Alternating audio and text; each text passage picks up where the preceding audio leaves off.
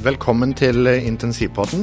Eh, Dette er den eh, tredje og siste episode om covid. I dag er vi så heldige å ha med oss eh, to seksjonsledere, Mons Sjøberg og eh, Beate Birkeland. Begge to seksjonsledere på to forskjellige intensiv- og postoperative avdelinger, som i denne covid-perioden ble gjort om til covid-kohorter. Um, der kan du begynne litt å si, eh, eh, introdusere dere litt sjøl. Hvem er dere, og eh, hvorfor har dere blitt seksjonsleder? Ja, Beate Birkeland heter jeg, seksjonsleder på generell intensiv 2.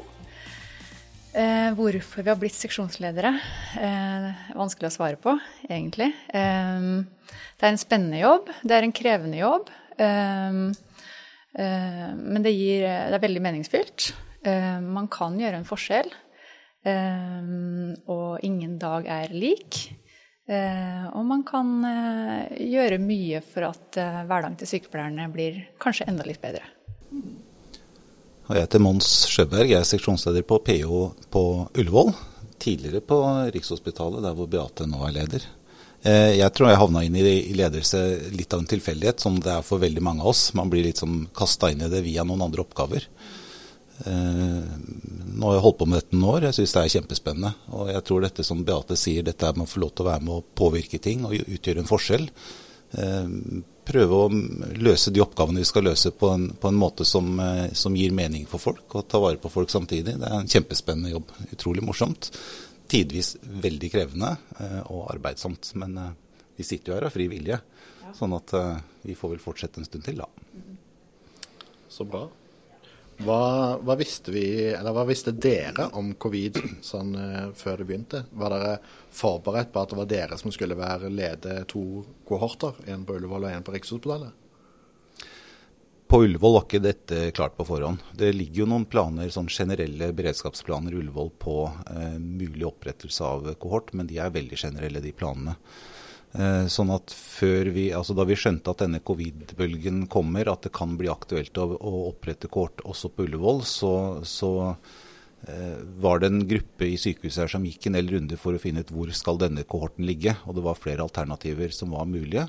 Til slutt så endte vi da på at det var postoperativ seksjon, altså min seksjon, som, eh, som var det foretrukne valget for kohort 1, intensivkohort 1.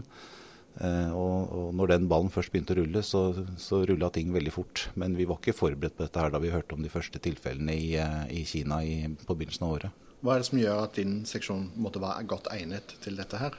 Eller var den godt egnet? Ja, den er på mange måter veldig godt egnet. Det er den tidligere intensivavdelingen lå jo der, som nå har flytta inn i nye bygg for noen år siden. Eh, Det er ganske store og fine rom. Arealene er, er romslige. Det er ganske mye plass til, til lager, til utstyr, til alt eh, infrastruktur som hører med til å drive en kohort. Eh, Så sånn sett så var den eh, på mange måter godt egna. Og så er det Bygget er fra 95, så det er et, om ikke gammelt bygg, så er det noen år gammelt. Og det var ikke bygg med tanke på denne typen situasjoner i det hele tatt. Sånn at man, man bindes jo også da av de rammene som ligger i bygget. Så vi hadde jo en del utfordringer her som, eh, som handla om dette med innslusing, eh, områder for å skifte, en del sånne type infrastrukturting som, som ikke var klart i det hele tatt. Eh, Men det problemet ville vi hatt uansett hvilken, hvilken seksjon vi valgte å bygge kohorten i. Beate, på Rikshospitalet så er det kanskje litt annerledes. Der, der var jo på en måte generell intensiv 2, som du vanligvis er seksjonsleder for, ganske klar for en type kohort. Ja, selve seksjonen og lokalene der er jo veldig egna for kohort eh, i forhold til ventilasjon, eh, undertrykksventilering, eh, at man kunne stenge av et område. Eh, men vi fikk jo høre i starten at alle covid-pasientene skulle til Ullevål. eh, og at vi skulle få opp de som eventuelt skulle på ECMO. Eh, så vi var heller ikke forberedt på at vi skulle få kohort 1 så tidlig, så raskt. da. Eh, Men når, når vi skjønte det, at eh, det her gjelder jo vanlige pasienter som er, kanskje kommer inn med andre ting også, eh, men så er covid en del av pakka, da, så skjønte vi jo at vi måtte stenge av og gjøre rom for å ha mange pasienter samla på ett sted, da, for å klare å, å takle den smittebølgen som kom. Eh, da vil jeg jo si at eh, vi stengte dører fort. Det gjorde vi. Men vi hadde jo skissene for skallet, på en måte. Vi visste jo ikke detaljene. Hvordan, man, hvordan er det å jobbe i en kohort? Hvor hvordan er det å sluse inn og ut på samme sted? Vi fant jo fort ut at det var veldig trangt. At vi måtte ha en egen sluse for inn og en annen for ut, f.eks. Så vi måtte vi var ganske klare rett før vi måtte åpne. Eh, så klare som vi kunne bli. Men så så vi ganske fort at her var det mye som måtte endres underveis. Eh, og det er jo viktig. At vi ser at det vi gjør nå, det funker ikke. Eh, kan vi finne en annen løsning på ting? Og det var en sånn kontinuerlig prosess ganske lenge, syns jeg. Til vi fikk ting på plass. Detaljer. Eh, ikke bare det hvor skal du kle av og kle på deg, på en måte, men eh, når skal sykepleierne ha pause i forhold til at det var lite smittevernutstyr? Hvordan kan vi løse det? Og det var sånne spørsmål som krevde ganske raske svar. Vi måtte, måtte løse det med en gang. Så ja, vi var på en måte forberedt på at vi kunne være en kohort, men samtidig så var det veldig mye som ingen av oss hadde gjort før, som vi måtte finne løsning på der og da. da. Det, mm.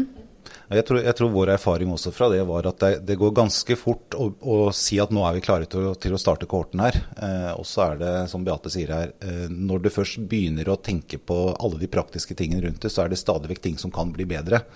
Så vi kunne i prinsippet fortsatt holdt på å gjøre klar en kohort så den skulle bli kjempegod idet vi tok den i bruk. ikke sant?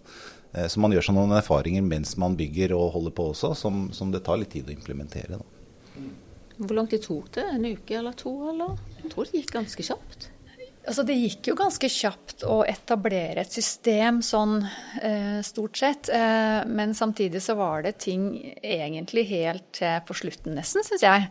At, eh, at, ting gikk sånn av seg selv, og det ikke var nye spørsmål som kom hver dag. Eh, for det var jo alt fra hvordan eh, løser vi det med blodprøver, rekvisisjoner. Papir kan vi egentlig ikke ta inn i kort fordi vi ikke kan ta det ut. Vi kan ta det inn, men da vi, må vi kaste det. Eh, og hvordan kan vi få hverdagen til sykepleierne til å, å fungere, da. Um, og noe syns jeg ikke ble helt optimalt. Fortsatt ikke. Altså jeg skulle gjerne hatt fri tilgang på smittevernutstyr, så sykepleierne kunne tatt alle kunne tatt den pausen de hadde behov for alltid. Um, men så var det ikke helt sånn, da. Uh, og da må man gjøre det beste ut av det i mange situasjoner, da. For å komme tilbake til det, da. Smittevernutstyr. Hvor mye har man egentlig hatt tilgjengelig, og hvor mye har man egentlig manglet? Eller er det vanskelig å få oversikten i, i sykehuset? Ja, vi, vi, visste ikke hvor mye vi hadde da vi åpna kohorten. Vi visste ikke hvor store lagrene til sykehuset var. Eh, og så visste vi ikke hvor mye vi kom til å bruke heller, så de første dagene brukte vi masse eh, smittevernutstyr eh, fordi at det var så mange personer innom. Etter hvert skjønte vi at vi måtte begrense det litt, både leger og sykepleiere. Um, og så måtte vi, vi måtte gjøre et regnskap på hvor mye bruker vi hver dag, og hvor mye har vi på lager, og hvor mye kan vi få tak i. Uh, og en stund var det P3-masker, det det, visste vi, det var det mangel på fra starten. Uh, men så var det plutselig litt sånn uh, trangt om, om, frakker, kanskje. Og så var det sug og andre ting. så det var ikke bare smittevernutstyr, men det var også annet intensivutstyr da, som det var mangel på på verdensbasis. Um, Hvordan har det vært å formidle det til personalgruppa? da? For det er klart at Personalgruppa blir jo veldig urolig da når man hører at det kanskje ikke er noe utstyr til alle. og mm. Hva gjør man da? Mm. Nei, hva gjør man da? Eh, man har jo et ansvar som leder å skaffe nok smittevernutstyr. Eh, og det skal være trygt for de ansatte å gå på jobb. Eh, det må jo vi som ledere være nøye på, tenker jeg. At man, man, eh, det man sier må holde, på en måte. Eh, er det trygt, så skal det være trygt. Og de må stole på oss. Og jeg, vi gikk jo ut med antall masker etter hvert, i hvert fall på Rikshospitalet, fordi vi skjønte at det var et behov de ansatte hadde. Altså hvor mange masker vi hadde hvor på lager? Ja, mm. nå har vi 600 f.eks. Ja. Eh, nå er vi nede i 400. Ja. Eh, for å på en måte eh, holde de nær til oss, da, og la, la Så det ikke bare er vi som sitter inne med informasjon, på en måte. Og da tror jeg også at det Hva skal jeg si, da? viljen til å bruke flergangsmaskene som vi brukte opp hos oss, eh, ble litt større. Fordi man skjønte at hvis vi bruker de maskene, så varer de andre maskene, det lageret, varer lenger, da. Og det tror jeg var kjempeviktig. At, at, ikke det er noe vi på en måte skjuler for å holde en fasade, da, men at man kan stå i det og være ærlig på sånn er det, og det her må vi løse. Og noen ganger så vet man ikke helt hvordan man skal løse det. Og vi kan i hvert fall ikke sitte og vente på at andre løser det for oss. Og så må man bruke de linjene man har som leder også, da, på å prøve å skaffe andre typer masker, f.eks. Mm. Ullevål, da? Du spør hva har vært vanskelig dette her. og det er klart at det der med å ha oversikten over hvor mye har vi av det ulike utstyret, det er jo særlig disse maskene som har vært det store temaet eh, på Ullevål også. ikke sant? Men hvor mye har vi av det, hvor lenge varer det, hvor stort er forbruket? Eh, og Vi har også holdt på med opptelling på dette. her, og så kan kan det være at eh, forbruket på en natt har variert med kanskje 40 masker, fordi at man tilfeldigvis har hatt sykepleier på jobb som trenger noen ekstra pauser, eller som tar seg noen ekstra pauser. ikke sant? Så det der å estimere hvor stort er forbruket på det vi har lite av til enhver tid, det har vært eh, krevende. Eh, og vi har gått inn eh, Jeg har gått hjem eh, fredag ettermiddag eller fredag kveld antageligvis og vært bekymra for om det vi nå har holder til mandag formiddag, da vi håper å få nytt, en ny forsyning av varer. Og det å som leder, det å stå i den der og ha ansvaret for at dette er på plass, at det er sikkert, at det er godt, men, men selv være bekymra for om det er godt nok over helgen, det har vært ganske krevende. Det gjør jo at man aldri kan koble av heller. Man må alltid være forberedt på å gjøre en innsats for å, for å ta tak i det eller gjøre endringer for å skaffe mer utstyr f.eks. Men vi har jo visst at det har funnets et lite lager av ting i sykehuset som vi kan hente hvis det nå er kjempekrise. Det er helt tomt. Eh, eh, men alle sånne ting som eh, alle sånne prosesser hvor man hele tiden må være forberedt på å gripe inn på veldig kort varsel eh, i løpet av en ettermiddag eller natt eller, eller, eller helg, er eh, en altså Det er ganske slitsomt som leder da, å hele tiden måtte være på alerten i forhold til de tingene der. sånn, For du vet at dette har så mye å si for komforten og for tryggheten til sykepleierne som står med disse pasientene. Og så har det vært noen masker som har blitt trukket tilbake. Hva, hva, hva, tenker dere liksom om den prosessen der, da, som ledere? Eh, ja, jeg tror jo at når, eh, når det nå viser seg at disse maskene vi nå holder på med, de er ikke gode nok, de må vi trekke tilbake, så har vi fått beskjed om det relativt kjapt. Så kjapt, så kjapt som vi har kunnet få beskjed om det, tror jeg, som ledere. Eh, da er det et signal om at vi tar dette på alvor, at vi faktisk trekker det tilbake så fort vi kan. Eh, samtidig så blir du da stående i en situasjon hvor du skal forklare at dette har vi tidligere anbefalt som en god løsning, eh, som dere som sykepleiere kan være helt trygge på. Eh, og Så går det da noen timer, og så må vi si at denne løsningen er ikke god.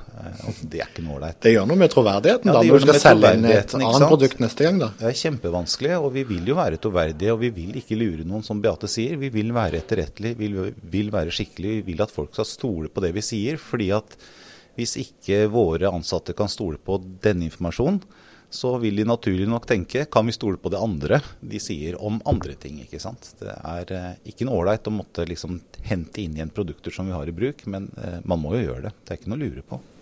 Var du noen gang redd for at vi skulle gå tom? Eh, ikke helt tom, men, men tidlig, altså før vi fikk de første pasientene, så hadde vi mye fokus på dette med gjenbruk av smittevernutstyr f.eks. Maskene skal tas av sånn, de skal brettes sånn, de skal puttes i en pose sånn. Eh, og, og, vi havna jo aldri i den situasjonen at vi drev med den gjenbruken på den måten som vi hadde sett på til å begynne med. Eh, men jeg må si at jeg sånn personlig grua meg til å komme i den situasjonen at dere, eh, der jeg måtte si at dere nå må vi faktisk gjenbruke maskene våre. For det ville vært, eh, det ville vært en ting på toppen av alt annet som ansatte er bekymra for. og eh, Det ville ikke blitt tatt godt imot, for å si det sånn. Tenkte dere noen ganger på at folk kom til å nekte og si at dette gjør jeg ikke, og hva gjør man som, som leder da? Mm. Ja, det tenkte vi på. Ja. Um, og det skjønner jeg. Ja. Hvis du, du, kommer på jobb og ikke har utstyr som beskytter deg mot en potensiell smitte, da, som, som kan gjøre stor skade, uh, så skjønner jeg jo at, at uh, man blir redd. Uh, det er jo helt uh, menneskelig, selvfølgelig. men jeg tenker jo at jeg også så at sykepleierne var redde selv om de hadde utstyr som var trygt. Mm. Så det at det var en redsel eh, egentlig som lå og lura der hele tida, eh, den syns jeg at jeg så eh, ganske ofte. Noen skjøv det litt til side og tenkte det her går, går nok bra. Eh, mens andre var ikke helt sikre på at det her var trygt nok, og, og spurte oss da er du helt sikker på at den maska her er, er trygg. Eh, og hva gjør man da? Man har pasienter, man må bemanne. Eh, men det er jo en veldig kinkig situasjon som en leder, så klart. Eh, og du har fått beskjed av din leder og de over mm. deg, og mm. at masken er trygg. Mm.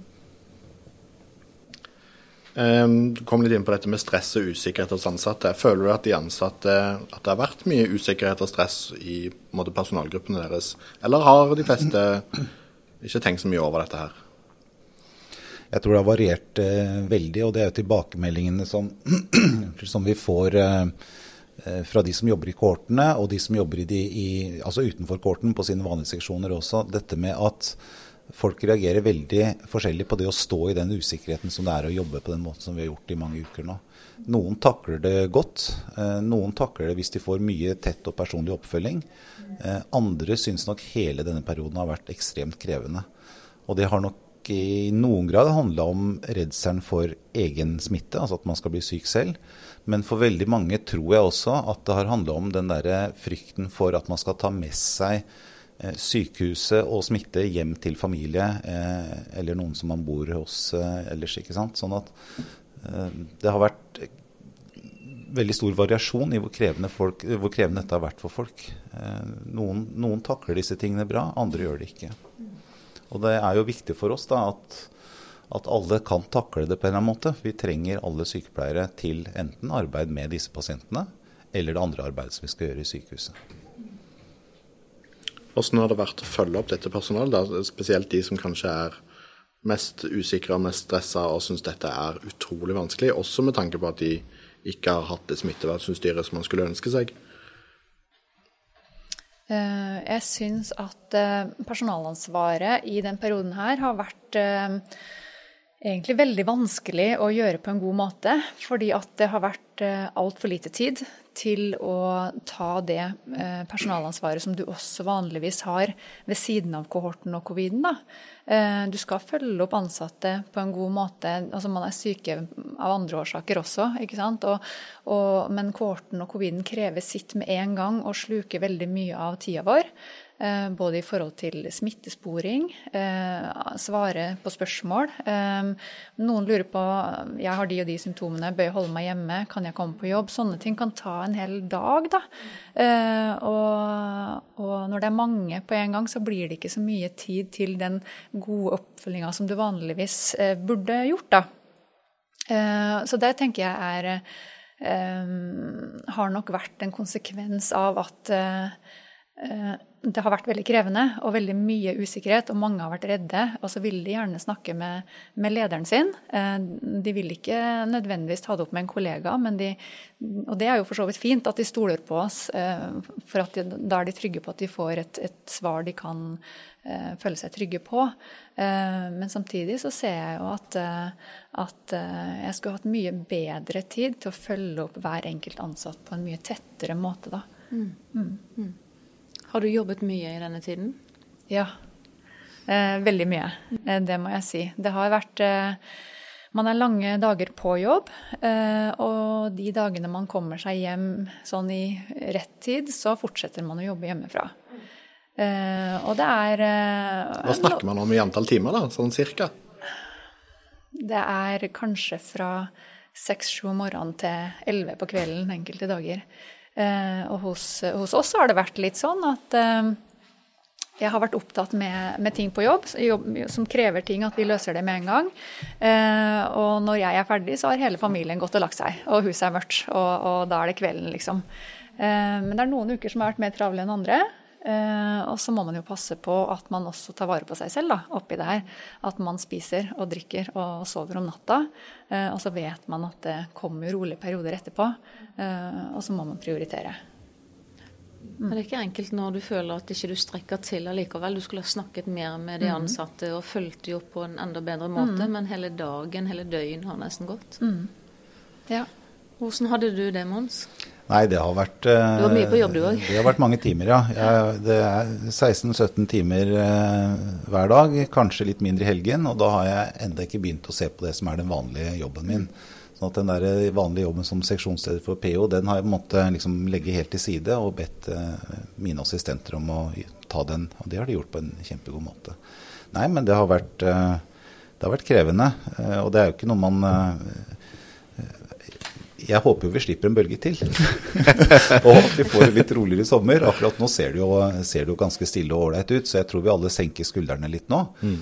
Det viktige tror jeg er at man, man, må bare stå i det mens man må det. Og så, og så må man tenke som, eh, som, det sies her, eh, det går jo over. Og det mm. gjør jo det. Mm. Så må man ta vare på hverandre så godt man kan. Men du, du spurte litt Martin om dette med, med oppfølging av personalet. Og det er klart at det finnes jo noen systemer i sykehuset her, og vi har hatt noen lokalsystemer òg for å legge til rette for Eh, oppfølging, som personlig oppfølging eller gruppeoppfølging og den type ting. Eh, men jeg tror jo at, og det er veldig bra at det tilbudet fins, det er nok ikke brukt i så stor grad som vi kanskje hadde trodd på forhånd. Eh, men det viser vel også at, at når, det er, når det er mye for mange, når folk er litt stressa, når det er usikre, når man har litt nok med seg selv når man er på vakt, så er det vanskelig for alle eh, å finne overskuddet eller tiden eller prioritere det og ta seg tid til å ta vare på seg selv. Mm. Eh, og det er kanskje noe av det som er eh, en viktig sånn refleksjon og noe man skal følge opp ved en ny runde eller ved andre krevende situasjoner, er at vi i enda større grad enn vi har fått til nå, da, finner måter å ta vare på hverandre på i disse situasjonene. For det er vanskelig for mange. Og så er det litt sånn at nei, nå er vakta ferdig, da løper vi ut så fort vi kan. Og så er vi ikke så gode som vi normalt kanskje er da, til å debrife litt eller bearbeide vanskelige situasjoner. Eller prate litt sånn generelt om hvordan vi har det på jobb for tiden. Mm. For en, ting, en konsekvens også av denne perioden er jo at vi har liksom måttet kutte dette med å være samla i personalmøter eller sånn type ting. ikke sant? Nå vet jeg at eh, På Rikshospitalet så fant man noen litt sånn lokale løsninger på mini-personalmøter som jeg tror var bra. Eh, men dette med å få lov til å samle ansattgruppa og snakke om hva er det som skjer, hvordan har vi det, hvilken informasjon har vi, er det noe vi mangler? Altså den type eh, kommunikasjon som vi normalt har i arbeidsfellesskapet vårt, den har liksom forsvunnet helt den perioden her. Eh, og det, det, bidrar jo ikke til at folk føler seg bedre ivaretatt, snarere tvert imot. Det har blitt mye på mail, da? Kommunikasjon og informasjon? Veldig mye informasjon på mail, ikke sant. Ja. Og normalt har folk nok med å gjøre jobben sin på jobb, og ikke sitte og lese mail. Så sånn er det jo. Mm helsepersonell som er, har egen risiko for covid. Hvordan har det uttalt seg? Har det vært mye helsepersonell med, med helserisiko? Ja, vi, eh, vi, har vel telt opp at på Riksen så hadde vi ca. 40 stykker på intensiv 1 og Insiv 2 som reserverte seg pga. det. Fra, av, hvor mange da som jobber der? Er vi en 170 da til sammen, ja. ca. Eh, så det er jo en god andel av sykepleierne, det. Um, og retningslinjene fra FHI har jo endra seg litt underveis også. Mm. Uh, sånn at um, uh, Men noen, noen, Og det må vi følge opp. ikke sant? At vi ønsker jo å legge til rette for de som er i risikogruppene. Uh, så er det noen ansatte som er i risikogruppene som sier at jo, men jeg syns det er greit å gå inn, og har, har jobba i courten likevel. Og så er det andre som, som kjenner på at det, det, er ikke greit for meg å, å være der, da. Eh, og det prøver vi å legge til rette for så godt vi kan.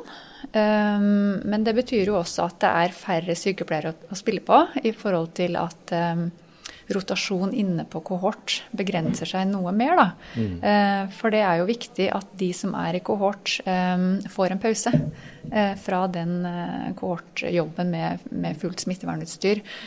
Så vi prøvde å ha to til tre vakter i kohort, og så måtte du ha en, en pause ut da, der du jobba med pasienter som var utenfor kohort. Og så er det å følge opp de som er i risikogruppene. Um, det er jo forskjellig hva som feiler de. Um, og i og med at de har vært utenfor kohort, så har det ikke vært så mye oppfølging av de. men vi prøv, har prøvd å skjerme de fra å være inne i kohorten, da. Mm. Hva med Ullevål? Nei, Hvis vi skal fortelle litt om hvordan vi har løst bemanning på Ullevål, så har den eh, vært litt mer komplisert enn på Rikshospitalet. Altså Vi har vært sju og til dels åtte seksjoner involvert i bemanning av kohort. Og Det høres ut som da at vi har en kjempepool av veldig gode sykepleiere som kan uh, steppe opp og gjøre jobben her sånn. Men de har jo også samtidig hatt et arbeid i, på sitt normale arbeidssted. Så det betyr jo at i forhold til dette med, som du snakker om da, ansatte som kanskje skal ha fritak for å jobbe i kohort, så har det, den avgjørelsen sittet hos den enkelte leder, altså sju-åtte forskjellige ledere rundt omkring. Jeg har ikke inntrykk av Nina, at volumet har vært kjempestort på det her, men vi har jo alle hatt noen som har av en eller annen grunn sluppet å være i kohort. Men det er, det er jo viktig at alle det er ikke viktig at alle bidrar, men det er viktig at alle får en pause fra å være i kohort. Sånn at man ikke bare er i kohort når man er på jobb. Og Det så vi jo som en utfordring da vi åpna intensivkort 2 her. sånn. Den lå jo da på hjerte-PO her på Ullevål. Eh, og for de ansatte som da jobber på hjerte-PO, så var det sånn at man enten var på jobb, og da var man i kohort, eller så hadde man fri. De fikk liksom ikke i arbeidshverdagen sin heller noe sånn eh, avbrekk på, på den kohortjobbinga. Så for de tror jeg det var veldig krevende eh, at det ble veldig mye kohortjobbing. Også fordi at det er en liten ansatt gruppe. Ja. Så de hadde ingen å rullere på og spille på sånn som vi andre har hatt, selv om vi har måttet ta ut noen fra det arbeidet. Har dere hatt personal som har blitt syke med covid? Ja. På, på, oppe på Riksen så har vi hatt eh, en ganske stor gruppe den første helga eh, da vi, rett før vi åpna kohort. Vi åpna kohorten på søndag, og, og den helga der hadde vi de første covid-pasientene som lå på vanlig isolatrom. Eh, og da ble det ganske Vi estimerer ca. seks-sju stykker eh, som ble syke etter smitt, med covid, ja. og smittesporing tror vi viser at de har vært hos den samme pasienten som ikke har vært intubert, men hosta mye og spytta rundt i rommet. Da. Så det har vært mye aerosoler rundt i det rommet der. Um, Men de brukte også de brukte smittevernutstyr? De brukte smittevernutstyr etter uh, prosedyre. Kledde av og på seg uh, sånn som de skal. Uh, men vi tror det var så mye aerosoler i, i rommet at de har blitt smitta likevel. da. Men noen ble syke på dag én, og noen ble syke på dag seks. Så vi visste ikke først hvor mange som var i den settingen der som ble syke. Eh, men når man går tilbake i tid, eh, så ser man at man tror det er en seks-sju stykker. Mm. Og da estimerer vi fordi at de som er svenske statsborgere, bor i Sverige, de, de fikk vi ikke testa. Mm. Vi prøvde, brukte en helg på det, å få de testa i Sverige, men det, det gikk ikke. Så de har fått symptombasert legeerklæring, da. Mm. Mm. Du har gått en del i karantene òg, da? Uh, nei, ikke så mange hos oss, faktisk. Eh, nei, de har eh, ikke dratt med seg så mange med seg. De har vært på jobb, og så har de dratt hjem. og ikke vært på jobb før de har blitt syke igjen.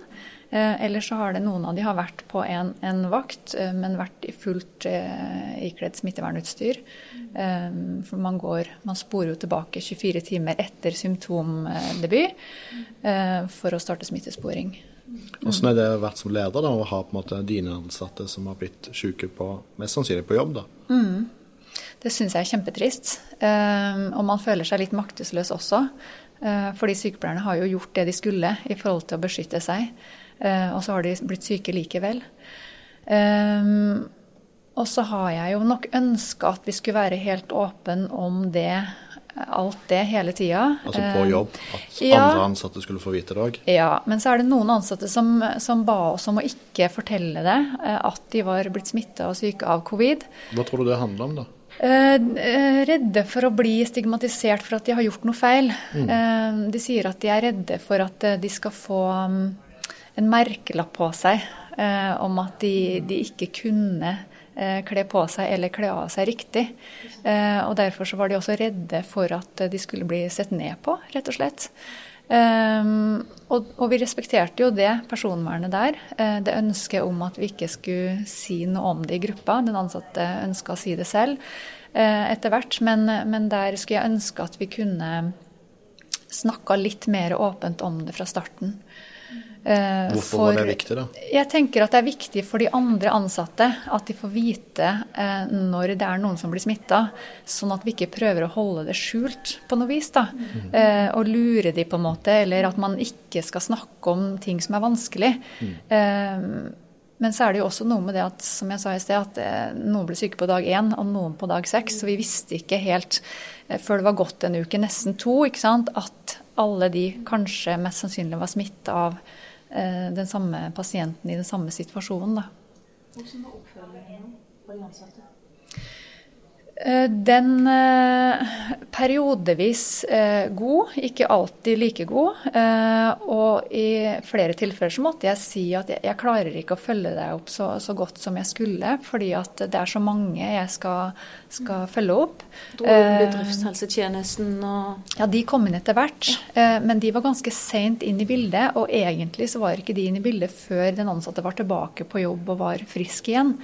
Mm. For de ble meldt de fikk beskjed om det da det ble sendt avvik. Vi oppfordrer alle sammen til å sende avvik mm. på at de var smitta. Mm. Uh, og sende inn papirer til forsikringsselskapet i OS og til Nav for å få det registrert. da. Mm. Eh, så den oppfølginga lå nok mye på meg og på drift eh, og avdeling for smittevern. Mm. Så når en ansatt tester positivt for covid, så ringer avdeling for smittevern den ansatte og meg, eh, og så snakker vi sammen. Og så må vi begynne smittesporing for å se om det er andre ansatte som, er, som må i karantene. Da. Mm. mm. Og det skjedde jo gjerne på helg sent på kvelden, når som helst på døgnet, mm. egentlig. Mm. Eh, for det er viktig å starte den smittesporinga med en gang. Mm. Eh, og i noen tilfeller så, så altså Jeg spurte jo alle hvordan de hadde det, om de var mm. veldig syke eller litt syke. Om de mm. hadde noen hos seg og sånn. Mm.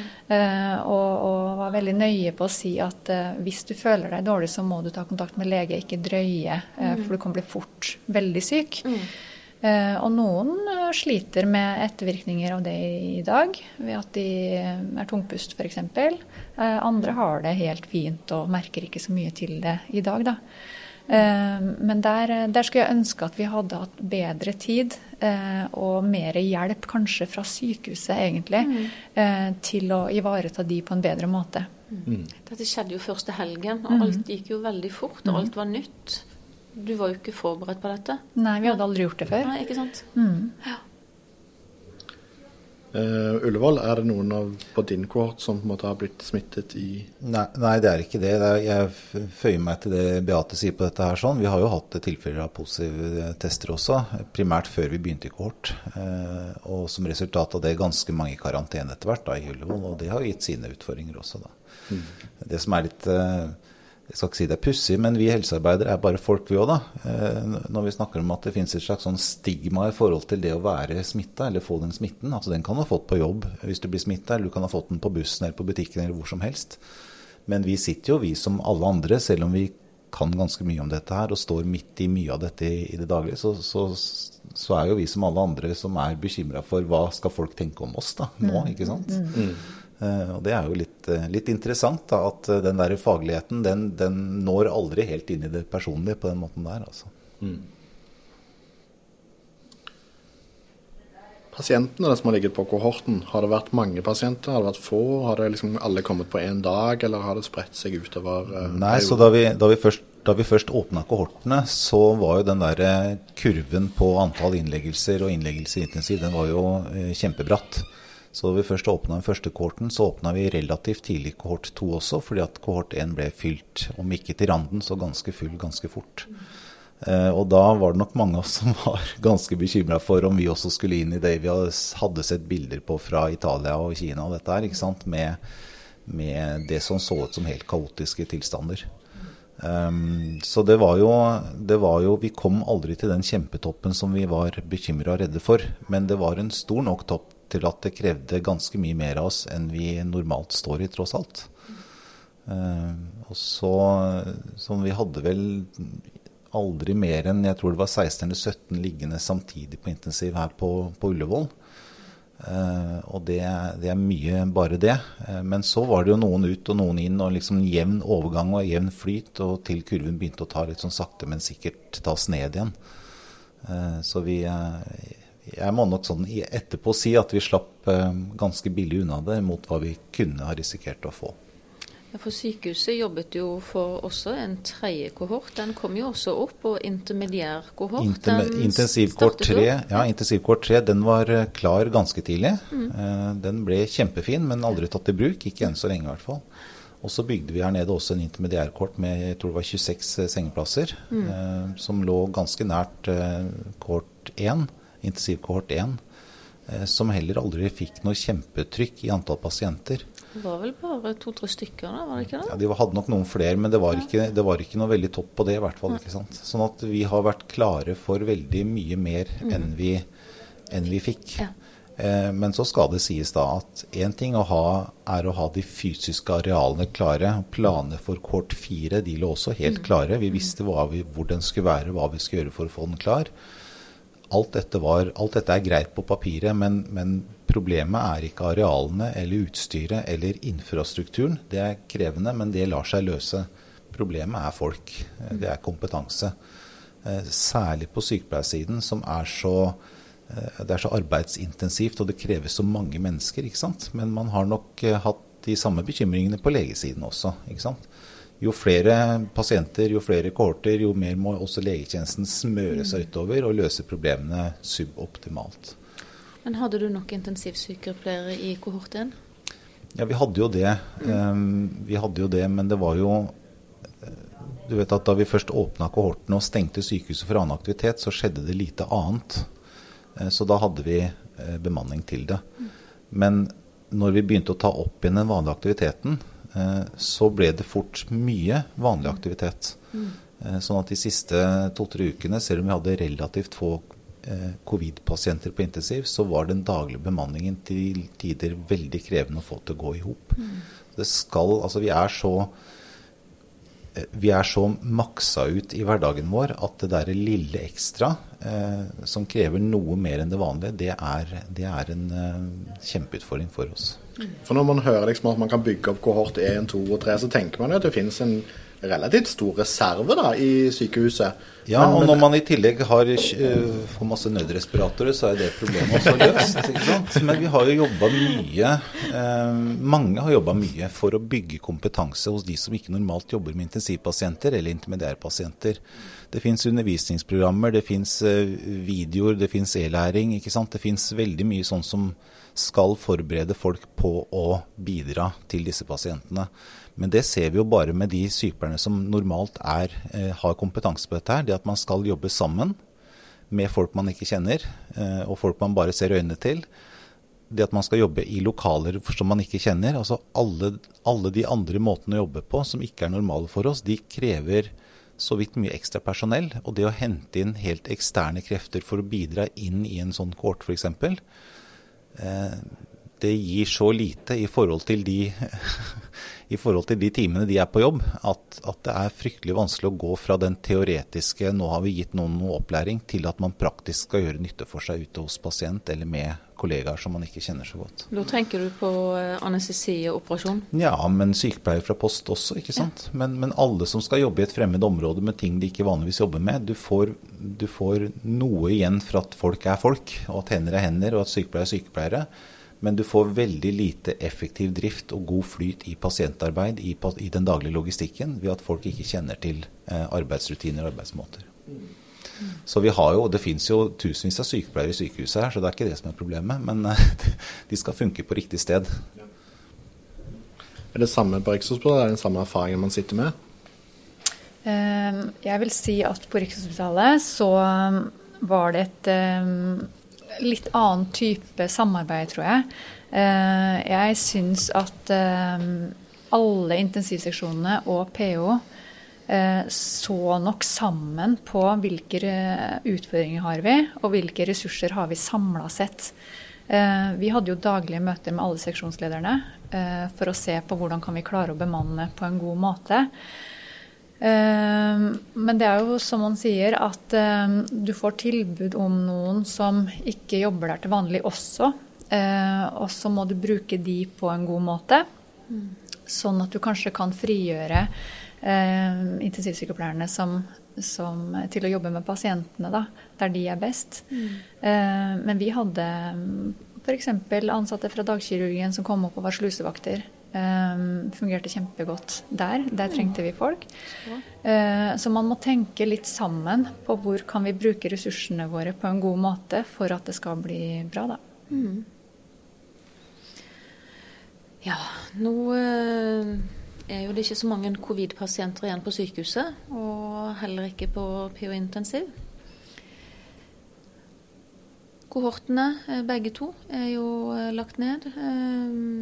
Og vi står jo og lurer på blir det noe mer igjen. Blir det åpnet en kohort, og hvor for Ullevål sin del? Hvis vi nå skal bygge opp igjen, Mons, hva må vi ta med oss videre? Hva har vi lært? det er en del Vi har lært mye av dette her. Eh, jeg tror, jeg tror når vi nå, etter at denne bølgen har avtatt litt, og vi har begynt å treffe hverandre igjen, som vi gjør over bordet nå, begynt å snakke litt mer igjen fordi at vi har tid til det og kan mm. se hverandre, mm. så ser vi at vi har løst en del ting ulikt på de ulike intensivportene våre på Rikshospitalet og på Ullevål. Mm. Eh, jeg tror vi skal bruke tiden til å snakke litt sammen om hvordan har vi gjort en del praktiske ting. ikke sant? Mm. Hvordan har dere løst det med slusevaktene? Hvilke oppgaver har de hatt? Hvem, hvem har gjort det? Hvordan har de gjort mm. det? Um, jeg tror, vi, jeg tror vi, skal uh, evaluere dette litt sånn skikkelig rundt en del sånn uh, praktiske mm. ting som det er fort gjort at går i glemmeboka hvis vi skal i gang igjen. ikke sant? Ja, For alt dette skjedde jo så fort. Vi hadde jo ikke tid til å snakke sammen da. Nei, vi hadde ikke det. Og vi har nok gjort mm. veldig mye godt arbeid, uh, alle som har holdt på med dette. her, sånn. Mm. Det tror jeg nok. Men, men, vi har helt sikkert mye å lære av hverandre mm. på det. en ting som jeg har vært litt bekymra for hele veien, det er at det har vært så vanvittig mye informasjon hele veien. Altså Vi som ledere har blitt pepra, eh, bokstavelig talt med mail. Sånn at når jeg har kanskje rukket å svare unna en mail, så i løpet av den, eh, den, den, prosessen så har det kommet tre, ting med, tre nye mail med ting jeg må svare ut med en eneste gang. på en måte. Mm.